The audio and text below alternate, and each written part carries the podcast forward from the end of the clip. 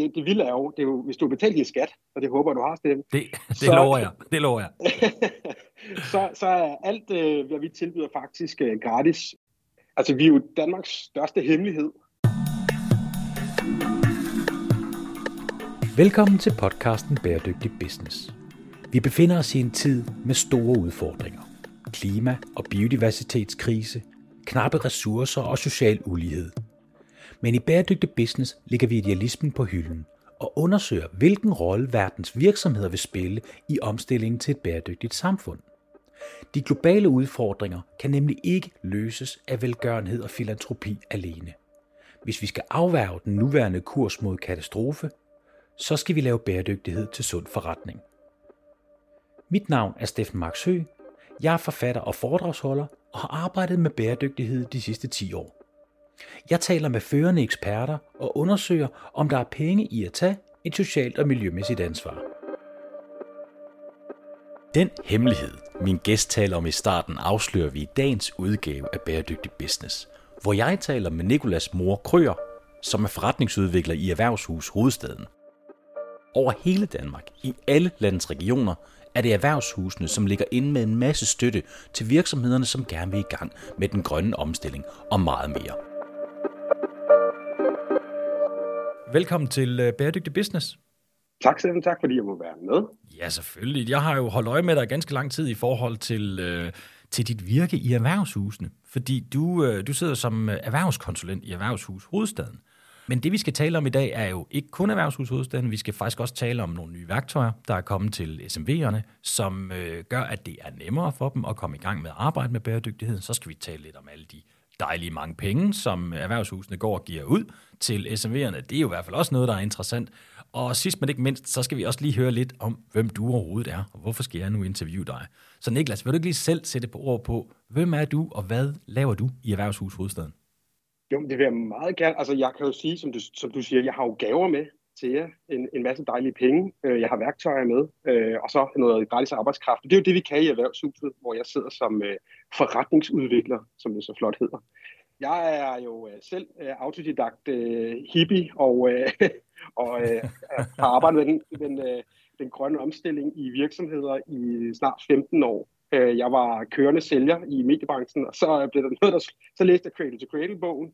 Det anbefaler jeg stadigvæk folk at gøre. Og så var der et eller andet, der bare ramte mig der. Øh, så jeg har siddet med en bureauarbejde i forhold til cirkulær økonomi, og har også siddet i konsulentvirksomheder, og også siddet i private virksomheder. Og nu sidder jeg så i erhvervshuset. Og, og, og det sjove er, Steffen, jeg, jeg har fulgt med i, i din podcast i et stykke tid, og det slog mig, fire af mine tidligere chefer har faktisk været gæster på din podcast. ja, fortæl om det. Jamen, øh, den, den ene var Uffe Elbæk, han var jo rektor, da jeg var øh, kærespilot, øh, og så øh, Laura Storm fra mandag morgen, som nu er øh, snakker om uh, regenerative leadership. Ja, hun er god. Så har vi uh, Nille Skals, jo, som vi sammen bragte B Corp-bevægelsen til, til Danmark, og så min seneste chef for Lise Lotte i Erhvervshus. Nu har vi fået en ny direktør, men uh, det er er spøjt, faktisk. Ja, det er jo fantastisk. Du har allerede et godt indsigt i, om ikke andet, så en hel del episoder og kendskab til dem, der har været med i det før. Det må man sige. Hvad er det erhvervshusenes formål er, fordi I er jo faktisk en rigtig fin lille rådgivende funktion, man kan få ganske gratis hjælp til, hvis man er SMV derude og ligger og bøvler med mange ting, ikke bare bæredygtighed. Men kan du selv sætte lidt flere ord på det? Altså, vi er jo Danmarks største hemmelighed, øh, siger vi nogle gange, fordi vi er jo faktisk en, altså, vi er en selvstændig enhed, øh, men pengene kommer så øh, indirekte fra erhvervsfremmebestyrelsen.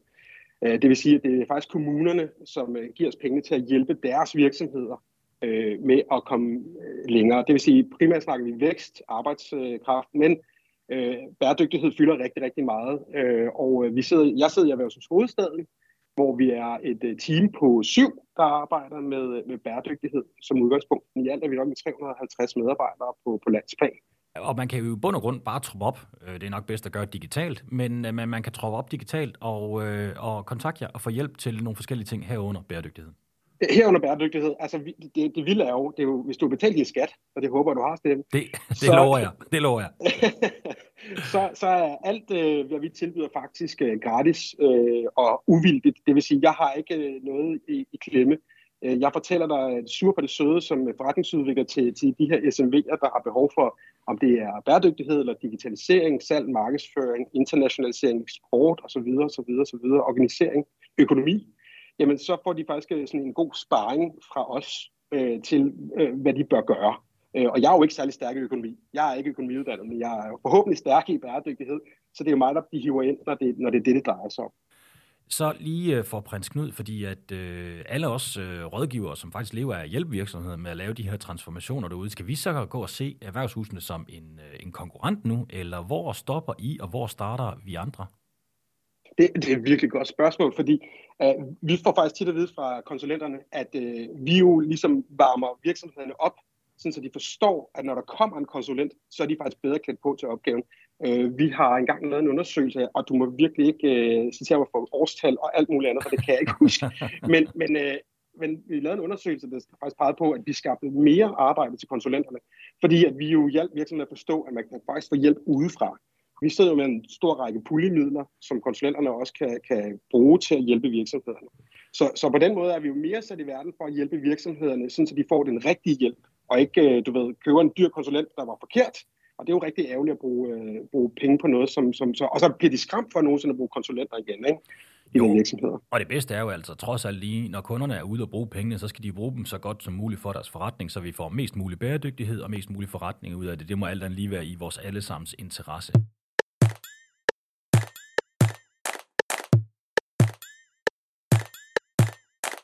Der er jo ingen tvivl om, at, at de fleste folk har jo nok hørt om SMB Grøn, og til jer, der ikke har hørt det, så kan man jo så sige, at der findes nogle puljer, og det er også det, vi skal tale lidt om i dag, men de her puljer gør jo i bund og grund, at de giver penge til virksomheder, som har brug for at komme i gang med herunder bæredygtighed, og det er det, vi skal tale om i dag. SMV Grøn, hvem henvender den sig til, den her SMV Grøn pulje, som er den første, vi skal tale om? Altså, SMV Grøn henvender sig kun til SMV'er. Det ligger ligesom i navnet. øh, så, øh, så, så man skal være en dansk øh, SMV, øh, og øh, det er, den er ret bred. Altså det er sådan en, det, det er sådan en hvor du, du ved ikke helt præcis, hvordan du skal få arbejde med din bæredygtighed, og du har lidt brug for hjælp til det. Så, så er det rigtig godt at søge den pulje. Øh, så, så det er den lidt den brede. Sådan begynder pulje, kunne man sige. Ja. Altså, så, så kommer du i gang for at lave måske en strategi, og du får afklaret lidt, hvor det vi skal sætte ind henne. Øhm, kan man sige det sådan? Ja, og hvis du så har fundet ud af, at du faktisk gerne vil have en certificering af en slags, eller du skal have noget dokumentation, så må du faktisk også godt søge den. Så det, det er lidt svært at sige, du, du ved, grøn, det er bare grøn. Ikke? Altså det er, det, det, det er hele paletten øh, på den her. Øhm, det, men det vi rigtig meget kigger ind på, det er den der dokumentationsdel, altså hjælpe virksomhederne med at øh, ikke bare sige, at de er grønne, men hvordan sådan ligesom dokumentere og rapportere, at de er grønne. Med den der EU-lovgivning, der er på vej. Ja, og det er jo faktisk rigtig ja. centralt, fordi grunden til, og der kan man jo spørge sig selv derude, der sidder nok nogle SMV'er, der tænker, hvorfor skal vi bruge så meget tid på, på det her rapportering og på, på dokumentationsdelen? Fordi i bund og grund handler det vel om at komme ud og lave nogle resultater. Og der kan man så bare sige, at det, der sker lige nu, særligt for EU, det er, at der kommer så utrolig mange lovkrav, så data og dokumentation kommer simpelthen til at blive altså det, vi bygger hele den her omstilling på. Så det er ret vigtigt, at man starter med at finde ud af, hvor man overhovedet står hen i sin forretning, og begynder at måle på de rigtige ting. Så den ene pulje, det er SMV Grøn, som vi kender. Hvad har du ellers med til os i puljeposen? Ja, jeg kigger lige ned i julemandstikken her, så jeg kan finde frem. Øh, jo, øh, grønne kompetencer er øh, en af vores andre puljer, der er på vej. Øh, der er virkelig mangel på, på øh, grønne kompetencer, så derfor så kommer vi jo med de her midler, hvor man kan enten købe en rådgiver, der kan øge kompetencerne i, i øh, virksomheden, eller man kan øh, købe kurser, eller man kan øh, få, gå på nogle af vores kurser, som vi også har i erhvervshuset. Og øh, der må man bare sige, at, at kompetencer, grønne kompetencer, det er også meget catchy, men det er utrolig vigtigt, fordi der er mange, der tror ude i virksomhederne, at, at det her med, med bæredygtighed, jamen vi, vi skal faktisk bare have en enkelt eller to, der ved lidt omkring det, og så går det nok af sig selv. Og der må man bare erkende, at det nærmest uanset hvilken funktion i virksomheden, så har de alle sammen brug for noget viden omkring bæredygtighed, uanset om det er i marketing, eller i indkøb, eller i økonomi, eller i topledelsen. Så, så det med kompetencer er afgørende for, at man kan lave transformationen. Det er ikke nok, der er bare en enkelt eller to, der ved noget om det.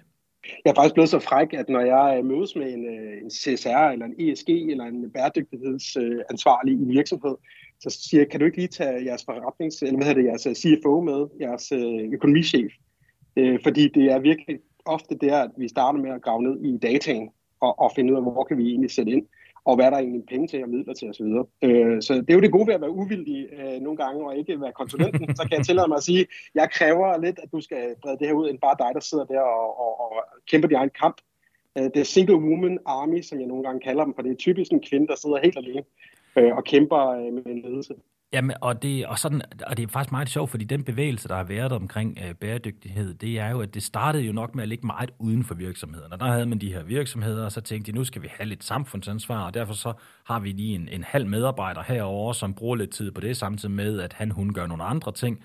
Og så støtter vi den lokale fodboldklub, og vi giver måske lidt penge væk til nogle andre ting. Så bæredygtighedsindsatsen lå på siden af virksomheden. Nu er den så blevet flyttet ind i virksomheden efter langt skubben af masen op i topledelsen. Nu handler det så om at få det ned i organisationen, og det er derfor kompetence er så vigtigt, fordi nu skal vi have hele organisationen klædt på til at kunne bidrage til det her. Og det lyder langhåret, men det er det bestemt ikke, og faktisk rigtig meget af den kommercielle gevinst i forhold til bæredygtighed ligger jo i, at det er din organisation, der ved, hvad de skal gøre derude. At de føler, når de går på arbejde, de kan finde ud af det, de gør, og at de i det hele taget kan se, at det, altså det vi gør her, det gør faktisk en forskel, og så begynder man jo at finde på de nye idéer, og lige pludselig så har du forretningsudviklet, og så står du faktisk med noget, som konkurrenterne ikke har. Så kompetence, topvigtigt. Noget, der skammer mig, det er faktisk, at de helt store virksomheder, de mangler faktisk de kompetencer, som SMV'erne har. Nogle gange er SMV'erne faktisk lidt længere fremme på de der kompetencer. Øh, jeg har mødt sådan i topledelse, hvor de sidder lidt og, og klør sig i håret og siger, hvad er det egentlig, vi snakker om her? Hvor, øh, hvor øh, det, det, kan, det, det har de styr på SMV'erne. Det er, det, det er virkelig spændende, fordi der er jo mange SMV'er, som siger, når det handler om bæredygtighed, det må du også have mødt mange gange, Niklas, det hvor det er, de siger, ah, men altså, vi har jo ikke de samme midler, som de store virksomheder har, og vi kan ikke ansætte folk til at sidde med det her fuld. Men, men SMV'erne har altså også nogle fordele, i og med, at de er jo mindre organisationer, og det kan altså være nemmere at lave den her transformation. De helt store virksomheder, det er også store virksomheder af en grund, og det kan også godt betyde, at man skal bruge lidt ekstra tid på at komme ud med ny viden i organisationen. Så SMV'erne er helt enige, de har også en fordel. Hvad kan man søge i den her pulje? Altså, hvor mange penge? Er, vi, øh, er det en 25-30 kroner, eller hvad, hvad er det for en budgetramme, vi har med at gøre? du, kan, du, du går ned og snolde i slikbutikken for en 30 kroner. Ja. Uh, nej. Uh... det er jo ikke meget uddannelse. Nej, de ligger omkring, jeg mener det er omkring, nu må du ikke, øh, hvis jeg tager fejl, så beklager jeg meget, men jeg mener, de ligger omkring de 50-150.000. Det er fordi, grund til, at jeg kan svare helt præcist, det er fordi, de, den er jo ikke udkommet endnu, og der, der bliver jo hele tiden sådan lige forhandlet færdigt. Men øh, på SMV Grøn og grønne kompetencer, som vi har været omkring, det ligger typisk omkring de 50-150.000 kroner.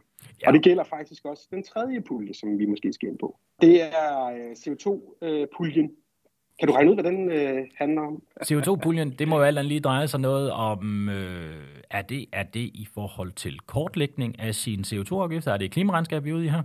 Ja, det, det er præcis, hvad det er. Øh, og, og så er det faktisk også meget validering af tallene, fordi vi har jo lidt set den der tendens med, at nu skal vi lave en, en CO2-beregning, og så ser jeg faktisk en række øh, rapporter eller øh, statements omkring, når du sparer så meget CO2, men det er jo lidt sådan noget, du bare kan lidt slynge ud. Øh, hvor kommer det fra? Så det vi også gør med puljen her, det er sådan at få valideret nogle af alle de der tal.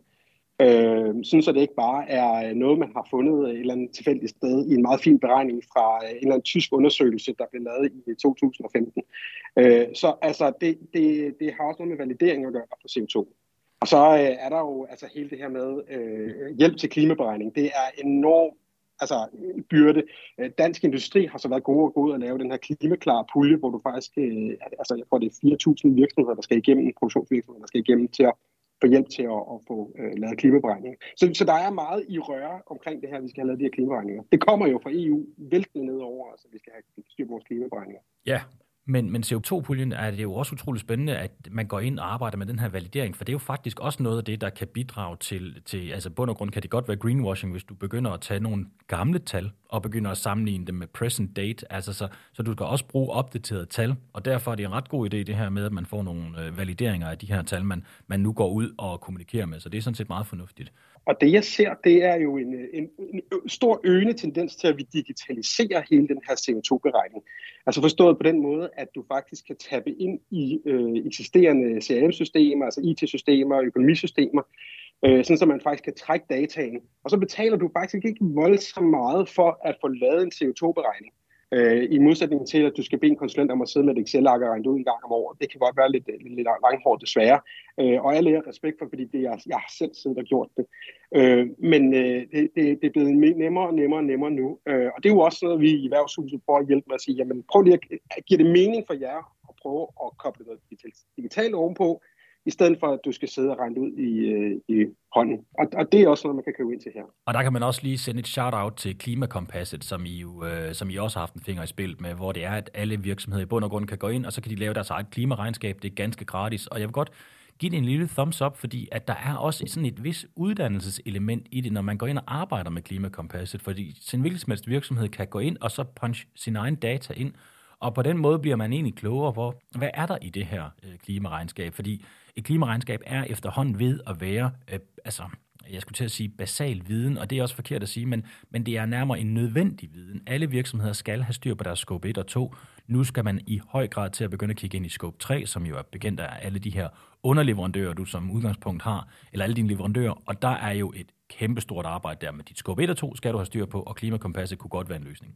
Det, det er en løsning, synes jeg, fordi øh, mere eller mindre samtlige virksomheder, der øh, har lidt over en 20 ansatte, de bør have en scope 1 og 2, som vi jo kalder det. Altså, hvad har du af CO2-udledning på matriklen, og hvad er det, du får ind af energi, og hvad er det, du har for en bilpark, der kører rundt der øh, grundlæggende. Ikke? Og det, det skal man altså have styr på. Det kan man altså godt selv lige plotte ind i klimakompasset. Jeg er helt, helt enig. Og, og, og hvis du spørger ud i den brede sådan, øh, uh, SMV-befolkning, øh, der hvor man ikke kan sige det sådan, så har de sgu ikke styr på skub 1 og 2. Nej. Altså, det, de tør jo ikke rigtig gå ned og kigge i det. De er lidt bange for, om de gør det forkert og så videre.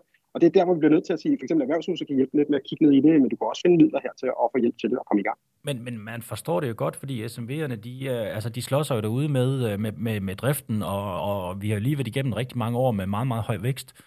Og det betyder jo, at folk har haft rigtig travlt derude, men, men, og det er jo nok det, der er SMV'ernes store udfordring, det er, at man bliver nødt til at komme lidt ud af den drift en gang imellem. Altså det er jo en, en, en CEO skal jo i bund og grund ikke være fedtet så meget ind i drift, som man, vi er i rigtig mange SMV'er. Jeg kender det jo selv fra min egen virksomhed. Det er vigtigt, at man kan komme lidt ud og begynde at tænke lidt mere overordnet omkring strategien. Der er bæredygtighed også vigtigt. Men det her med, at vi begynder at give os selv lidt øh, noget tid til, hvordan kan vi udvikle forretningen, det er mm, altså et rigtig vigtigt sted at sætte ind, og det er jo i høj grad det, som, som ja, direktionen, det lyder så fint, men som, som ledelsen og bestyrelsen, hvis man har sådan en, har som deres overordnede ansvar.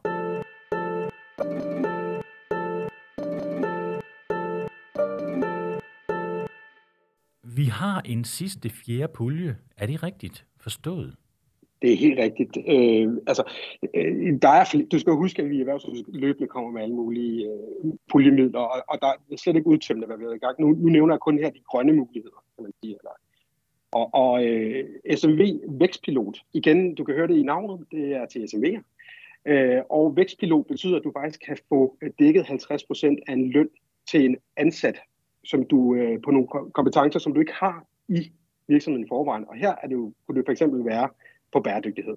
Så hvis det er, at man vil i gang med bæredygtighed, så kan du faktisk ansætte en, hvor du får dækket halvdelen af lønnen til at få arbejdet med bæredygtigheden. Der er selvfølgelig en grænse for, hvor, hvor dyr den høj den løn må være. Øh, detaljerne, det kan vi jo, øh, vi sender selvfølgelig dig. Du får nogle links, øh, så håber du deler med øh, den kære befolkning. Okay, øh, men altså, og det er fordi, vi ved ikke præcis ja. endnu, øh, hvor, altså, men det er klart, med en løn på adskillige millioner kroner om året, der er det ikke sikkert, at de går ind og betaler halvdelen der. Men, og der er vel også noget med et tidsinterval. Det er vel x antal måneder. Ved vi noget om, hvor meget det bliver på nuværende tidspunkt? Ja, det er 6 måneder, og det er op til 30.000, så vi dækker de 15. Men det er jo i høj grad også rigtig godt tilskud til en virksomhed, der står derude og tænker, nu vil vi ikke øh, købe konsulentydelser, nu vil vi simpelthen have en i organisationen, som kan hjælpe os med det. Og vi var jo lidt efter det før, hvor vi talte om, at alle i organisationen skal have viden omkring bæredygtighed, det mener vi jo nok stadigvæk, men det er ikke dårligt at have en medarbejder, der er dedikeret til det i organisationen, bare lige så vi får den sondering på plads. Så det at ansætte en, der sidder med det som sit, sit um, area of expertise, det er jo ganske, ganske fornuftigt, hvis man bare sørger for, at resten af organisationen også ved noget. Og der, der ved jeg blandt andet, du havde jo Anders Vaugenthaler øh, forbi på et tidspunkt. Øh, en af de virksomheder, han har også været med til at starte op, det er New Loop. Og det er en lille virksomhed, øh, som selvfølgelig vokser så hurtigt stærkere, men det de gør, det er jo, at de har jo en der retursystem for, for øh, uh, indgangsemballage. Øh, og jeg vil klart øh, slå dem op. Øh, de er meget at følge. Det de gjorde, de fik en vækstpilot, øh, og har så været fastsat vedkommende efterfølgende, øh, fordi de kunne simpelthen se, at den værdi vedkommende gav øh, var så høj. Så det er en god måde ligesom at komme i gang, når man ikke er så, øh, så stor endnu som organisation, øh, eller at man ikke har kompetencen i huset. Ja, og, øh, og, og helt enig. Helt enig. Jeg har simpelthen lyst til at blive ved med at tale om det her med, at, øh, at det er super godt, at man har en medarbejder, men det er også bare vigtigt, at du, kære direktør, der sidder derude, eller dig, kære HR-banditte, øh, som skal til at have fået opgaven med at ansætte en, det er simpelthen ikke nok, at man bare får en person, der ved noget omkring det her, og så kan man så tror man, der er flueben ved hele sin ESG-agenda. Det, det er noget for hele organisationen. Men en medarbejder, der sidder og allokerer alle sine ressourcer til det, er bestemt ikke dårligt.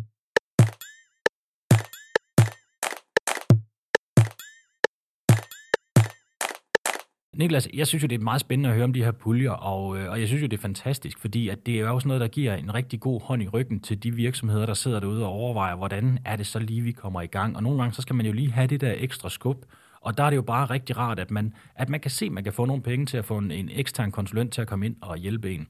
Nu har du jo altså faktisk virkelig set mange af de her SMV'er, fordi det her det er jo noget af det, du gør, det er jo at, at hjælpe med, at de her penge kommer ud og lever de rigtige steder. I din optik, hvad er så SMV'ernes store udfordring, når det handler om bæredygtighed? Altså, så overordnet ser jeg jo tre store tendenser, som er øh, greenwashing, altså kommunikationen af din bæredygtighed. Så er der hele rapporteringen og følge lovgivningen kommer fra EU.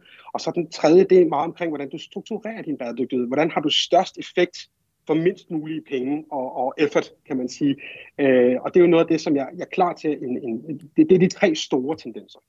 Øh, og jeg kommer gerne med, med klare eksempler øh, på det, øh, hvis det bliver nødvendigt. Men noget af, af det er også, at øh, nu arbejder for eksempel Maria Black, øh, det må jeg godt sige. Øh, og jeg må ikke desværre fortælle om alle de virksomheder, jeg arbejder sammen med, men det er jo en smykkevirksomhed, øh, som jo øh, har gjort utrolig meget for at, at få styr på deres øh, upstream i forhold til, at de bruger genvendt guld og sølv og, og laboratoriedyrke diamanter, i stedet for at man graver sådan en, en gang en kilometer hul i jorden for at få sådan en lille diamant op.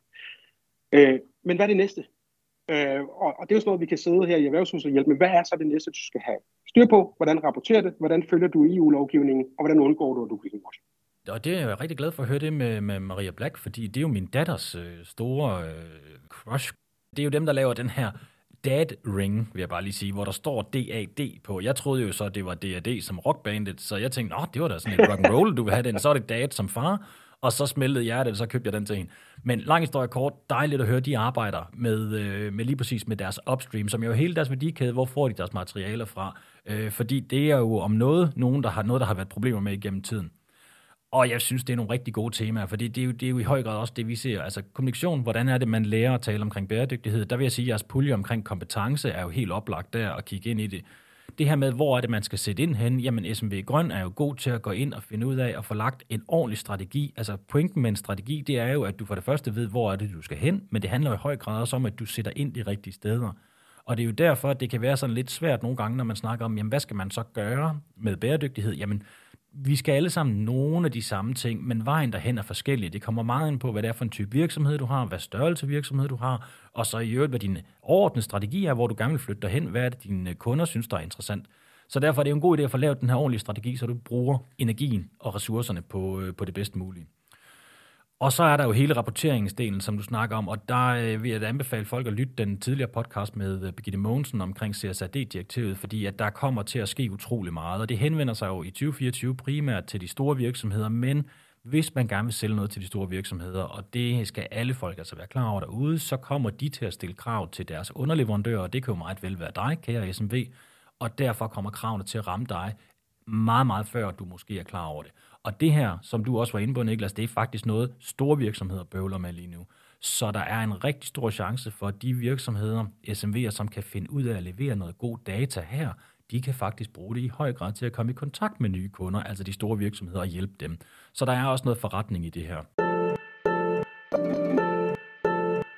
Hvis man kigger ind i sådan det der med, med hele EU-lovgivningen, ikke? altså så når man siger øh, ESRS, så kan du bare se, at de begynder at falde i søvn. Altså, det er jo de europæiske standarder, man skal følge. Så jeg vil jo anbefale det her, hvor du siger sådan, det, er meget, det kommer. Det kommer fra de store virksomheder. Men så kig på jeres klimaberegning. Start der. Det er klart min store anbefalinger. Så må vi tage det, som det kommer alt det andet. Men det er altså den helt store, der, der ruller ud lige nu, ikke? også med, med krav fra de store virksomheder. Men det er også sjovt, ikke? fordi så siger du øh, ESRS, ikke? og det er jo også skægt, ikke? fordi i bund og grund, så er det jo bare standarderne, der ligger til det her CSRD-direktiv. Og, og man forstår jo godt, at, vi, at folk bliver forvirret derude, hvis man ikke allokerer mange ressourcer til at overhovedet at forstå alt det her lingo. Og, der, og der er det altså også bare vigtigt at sige, det er heller ikke sværere end som så. Jeg vil sige, de nye rapporteringsstandarder er rigtig vanskelige. Det skal man have noget hjælp til, eller man skal selv bruge en masse ressourcer på det. Og, og, og der er ingen tvivl om, at jeg synes, at det er en god idé at få nogle konsulenter ind og hjælpe i sin virksomhed, ikke mindst fordi det er det, vi selv gør. Men de virksomheder, der klarer sig aller, allerbedst, det er de virksomheder, hvor ledelsen selv går ind og siger, godt, nu skal vi. Nu tager vi tyren ved hornet, og så går de ud og får noget viden omkring det her, og kommer i gang. Så det, øh, altså, uanset om du får de bedste konsulenter i verden, så kan det ikke slå en, øh, en ledelse, der selv engagerer sig 100%. og, øh, og en god kombination kan man selvfølgelig komme rigtig langt med.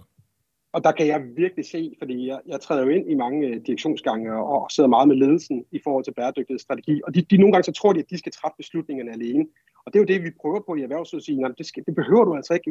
Vi vil gerne være med på rejsen. Vi vil gerne holde dig i hånden hele vejen. Øh, jeg har siddet med nogle meget store danske virksomheder, jeg kan desværre ikke sige hvilke, men nogle meget, meget store danske virksomheder med deres bæredygtighedsansvarlige, og siddet og, og, og givet dem sparring, fordi de ved sgu heller ikke altid lige, hvordan tingene skal skæres. Øh, og det er altid rart at fortælle igen. Jeg siger overhovedet ikke, at jeg er ekspert tværtimod. Øh, jeg tror bare, at jeg kan, jeg kan sidde og, og tale med omkring, hvad er det så udfordringerne kan være, og hvad er det, vi bør prioritere på. Og det har vi blandt andet udviklet et værktøj til at hjælpe med os. Øhm, og jeg synes, det er rigtig fint, du pointerer, at der er også store virksomheder, der sidder og bøvler med det her derude, fordi det er en ny agenda. Altså, vi har været vant til at drive forretning på en anden måde, hvor det er, at bæredygtighed, det var noget, vi, vi tænkte lidt over en gang imellem, hvis, øh, hvis vi havde lidt fritid, og det var som udgangspunkt noget, mange virksomheder slet ikke mente havde noget med, med virksomheden at gøre. Men tiden har virkelig ændret sig, og det er en helt ny faglighed, så det er jo fair, at man ikke ved, hvordan man skal gå i gang. Men det er der kunne lov hjælp til. Og derfor skal vi også snakke om det her værktøj. Du nåede du lige at bringe det på banen, men, men det synes jeg er jo virkelig interessant, fordi I udvikler jo ret mange forskellige løsninger, der alt sammen har det fokus, hvordan kan vi hjælpe særligt SMB-segmentet. Kan du ikke fortælle om det her nye værktøj, som kan hjælpe virksomhederne med deres bæredygtighedsarbejde? Jo, øh, vi, jeg tror, at knap tre år siden, der kunne vi tydeligt se et behov øh, hos virksomhederne til at og, øh, få struktureret deres bæredygtighed ud fra et forretningsperspektiv. Og ofte så var det jo sådan, at øh, det kan du sikkert godt huske, Steffen, og mange af vores lytter kan, kan sikkert også huske, altså at bæredygtighed hang lidt ude på sidelinjen, det gør det nogle gange stadigvæk, som sådan, du ved, øh, vi skal gøre noget godt for, øh, for øh, dyrene, øh, lidt, og noget godt pynt, for noget med klimaet. Ja, lidt pynt præcis, ikke også? Øh, og det vi virkelig prøver, det er at integrere det ind i forretningen. Så vi har i samarbejde med, med Væksthjulet, øh, som nogen måske kender, det er et, øh, et værktøj med 20 fokusområder på at strukturere din, din virksomhed i et forretningsperspektiv. Det har vi simpelthen koblet sammen med bæredygtighed. Øh, og øh, det vil sige, at vi kigger ind i 20 forskellige områder i din virksomhed, hvor vi snakker om bæredygtighed på den ene eller anden øh, led. Og det jeg jo oplever, nu sagde, sagde du det selv tidligere, det er jo, at ofte har man fokus på driften. Så det vigtigste er faktisk ikke at vælge til, det vigtigste er faktisk at vælge fra og finde ud af, hvad det er, man ikke skal have fokus på. Fordi det her det er måske ikke så vigtigt for virksomheden i, på nuværende tidspunkt. Fordi man har måske ikke kompetencen til det, man har måske ikke penge til det, midlerne til det, man har ikke øh, og så videre, så videre øh, mulighederne for det. Så, så, så det hjulet gør, øh, altså bæredygtighedshjul, som vi kalder det, øh, det er et gratis værktøj, som man kan sætte sig ned og selv og prøve at screene sin egen virksomhed med at sige, hvor er vores status i dag på bæredygtighed? Man kan sætte sig ned med ledelsen og gøre det. Øh, eller man kan sætte sig ned i en øh, medarbejdergruppe, der har fokus på bæredygtighed, og sige, hvad er vores status på bæredygtighed? Hvor er vi i dag? Hvor dygtige er vi? Øh, og så kan man sige, skal vi gøre mere af det, vi er rigtig gode til, eller skal vi have fokus på det, som vi ikke er så gode til? Og det er sådan noget også øh, i en dialog, især med en konsulent også i, det er det, vi kan se. Øh, hjælp. Øh, hvad, hvad er det næste skridt, ikke også? Det er meget skægt, ikke? Fordi jeg tror, det der sker for mange øh, virksomheder derude, når man skal snakke bæredygtighed, det er, at man bliver simpelthen overvældet af, at det er så utrolig mange områder, man kan sætte ind på. Det, det er virkelig vigtigt at sige, for det skal jo alignes med din forretning. Altså, det er jo, du skal jo stadigvæk drive forretning. Jeg møder mange grønne iværksættere, som jo spørger, hvordan kan jeg blive mere grøn? Jeg siger, jamen det gør du ved, at du vækster, og du tager en stor andel af markedet, for du er allerede meget grønnere end de eksisterende produkter, der er på markedet. Øh, så du skal ud og lave salg og markedsføring. Øh, og det er nogle gange, så sidder det lidt, what, okay, er det det, der er mit fokus? Ja, for du gør det faktisk skide godt. Du, jeg kan bare se, at du mangler at komme over og få solgt de her virkelig fede produkter. Så det, det, er, det er nogle gange det, der også skal skæres. Altså. Det er ikke kun klima og ressourcer og, og så videre. Det er altså også din forretning, vi kigger ind i. Ja, men helt afgjort. Altså forretningsdelen er jo super essentiel for, at man overhovedet får noget volumen på sin forretning, og dermed får noget volumen på ens bæredygtighedsindsats. Men, men de to ting, det er i bund og grund, så smelter det jo sammen, når det er, man kommer lidt længere med det. Så det er jo det her med at kunne kigge det igennem et filter. Derfor bliver man også nødt til at sætte et økonomisk filter på en gang imellem, og så sige, jamen den her indsats, hvor meget kan vi vinde bæredygtighedsmæssigt på den, i forhold til andre indsatser. Fordi det handler jo om at få så meget volumen som overhovedet muligt, både på den økonomiske side, men i høj grad også på bæredygtighedssiden. Så der er jo flere ting at spille på.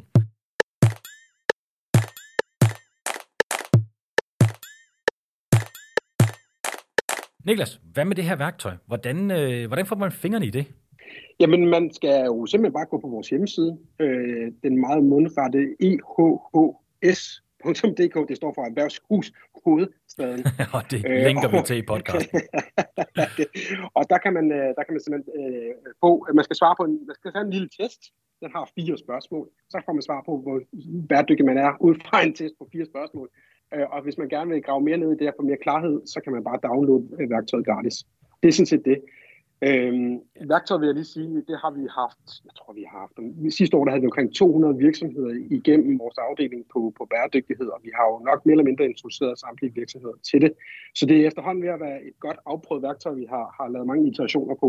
Så jeg håber også, at det vil hjælpe øh, den enkelte øh, SMV derude. Det er slet ikke utænkeligt, og det er i hvert fald en, en rigtig, det lyder til at være et rigtig godt conversation piece, om man vil, i forhold til, har du et ledergruppe møde, jamen altså, så kunne det jo godt være, at du kunne bruge det her værktøj til, og i hvert fald bruge et par timer på at blive lidt skarpere på, hvor er det måske, vi skal sætte ind hen. Om ikke andet, så kan man i hvert fald søge nogle af alle de dejlige puljer, I har derude med gratis penge. Det er jo noget, de fleste folk godt kan lide. Så hvis man er i SMV og ikke er kommet i gang med sit bæredygtighedsarbejde endnu, eller man er i gang og er sulten på mere, så er der ikke andet end øh, gode muligheder at hente hos erhvervshusene. Så Niklas, tusind tak, fordi du vil være med i Bæredygtig Business. Det var en fornøjelse. Jeg tror, vi skal snakke sammen igen. Øh, det har både været hyggeligt, og øh, jeg tror da bestemt også, at der er basis for at lave podcast mere, når vi er kommet lidt længere hen, og måske, at der er kommet nye puljer. Men tusind tak, fordi du vil være med. Det var en fornøjelse, og jeg håber, vi ses meget snart igen. Du har lyttet til Bæredygtig Business. Mit navn er Steffen Marksø, og du er meget velkommen til at finde mig på LinkedIn, hvis du har idéer til emner, jeg skal tage op i podcasten. Ros og ris er også meget velkommen. Husk i øvrigt at abonnere på podcasten i din podcast-app, så får du automatisk besked, når der er nye episoder. Og hvis du giver os en god anmeldelse, så hjælper du med at sprede budskabet om bæredygtig business. Tak fordi du lyttede med.